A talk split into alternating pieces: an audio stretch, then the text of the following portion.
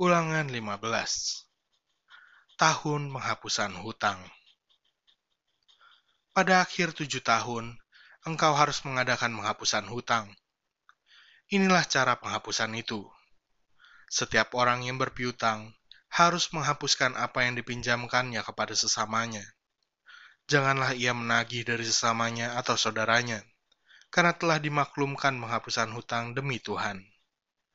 Dari seorang asing boleh kau tagih, tetapi piutangmu kepada saudaramu haruslah kau hapuskan.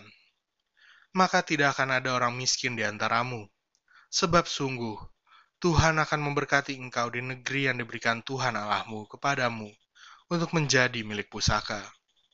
Asal saja engkau mendengarkan baik-baik suara Tuhan Allahmu dan melakukan dengan setia segenap perintah yang kusampaikan kepadamu pada hari ini.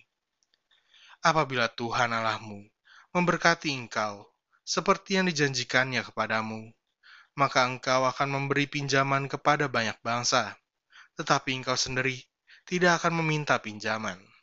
Engkau akan menguasai banyak bangsa, tetapi mereka tidak akan menguasai engkau.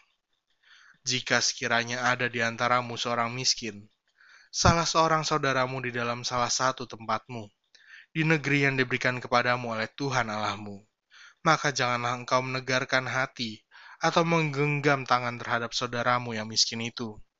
Tetapi engkau harus membuka tangan lebar-lebar baginya dan memberi pinjaman kepadanya dengan limpahnya, cukup untuk keperluannya, seberapa ia perlukan. Hati-hatilah, supaya jangan timbul di dalam hatimu pikiran dursila.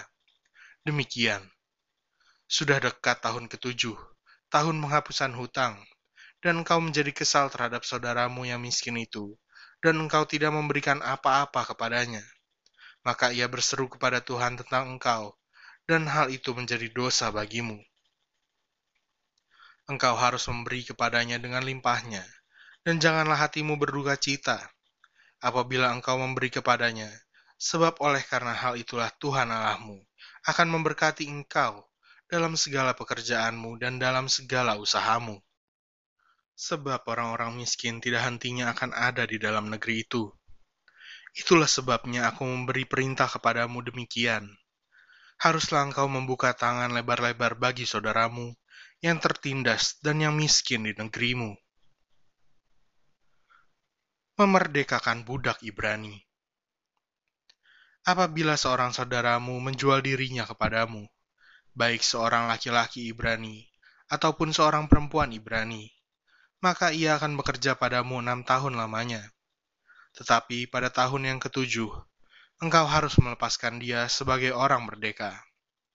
Dan apabila engkau melepaskan dia sebagai orang merdeka, maka janganlah engkau melepaskan dia dengan tangan hampa. Engkau harus dengan limpahnya memberi bekal kepadanya, dari kambing dombamu, dari tempat pengirikanmu, dan dari tempat pemerasanmu, sesuai dengan berkat yang diberikan kepadamu oleh Tuhan Allahmu, haruslah kau berikan kepadanya.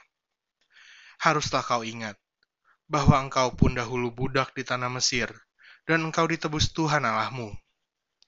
Itulah sebabnya aku memberi perintah itu kepadamu pada hari ini.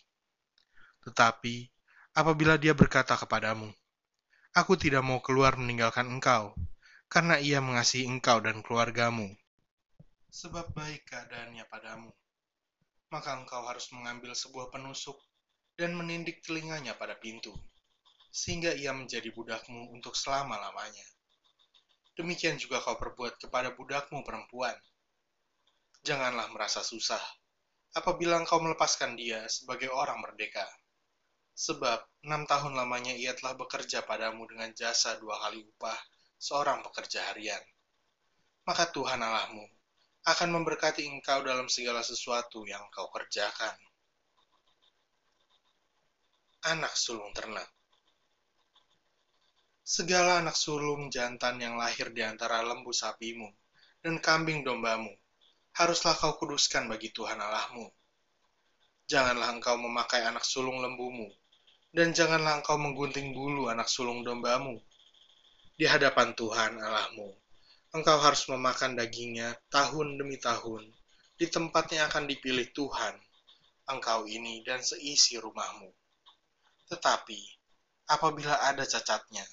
Jika timpang atau buta, bahkan cacat apa pun yang buruk, maka janganlah engkau menyembelihnya bagi Tuhan Allahmu. Di dalam tempatmu boleh engkau, baik orang najis maupun orang tahir, memakan dagingnya, seperti daging kijang atau daging rusa. Hanya darahnya, janganlah kau makan. Haruslah kau curahkan ke tanah seperti air.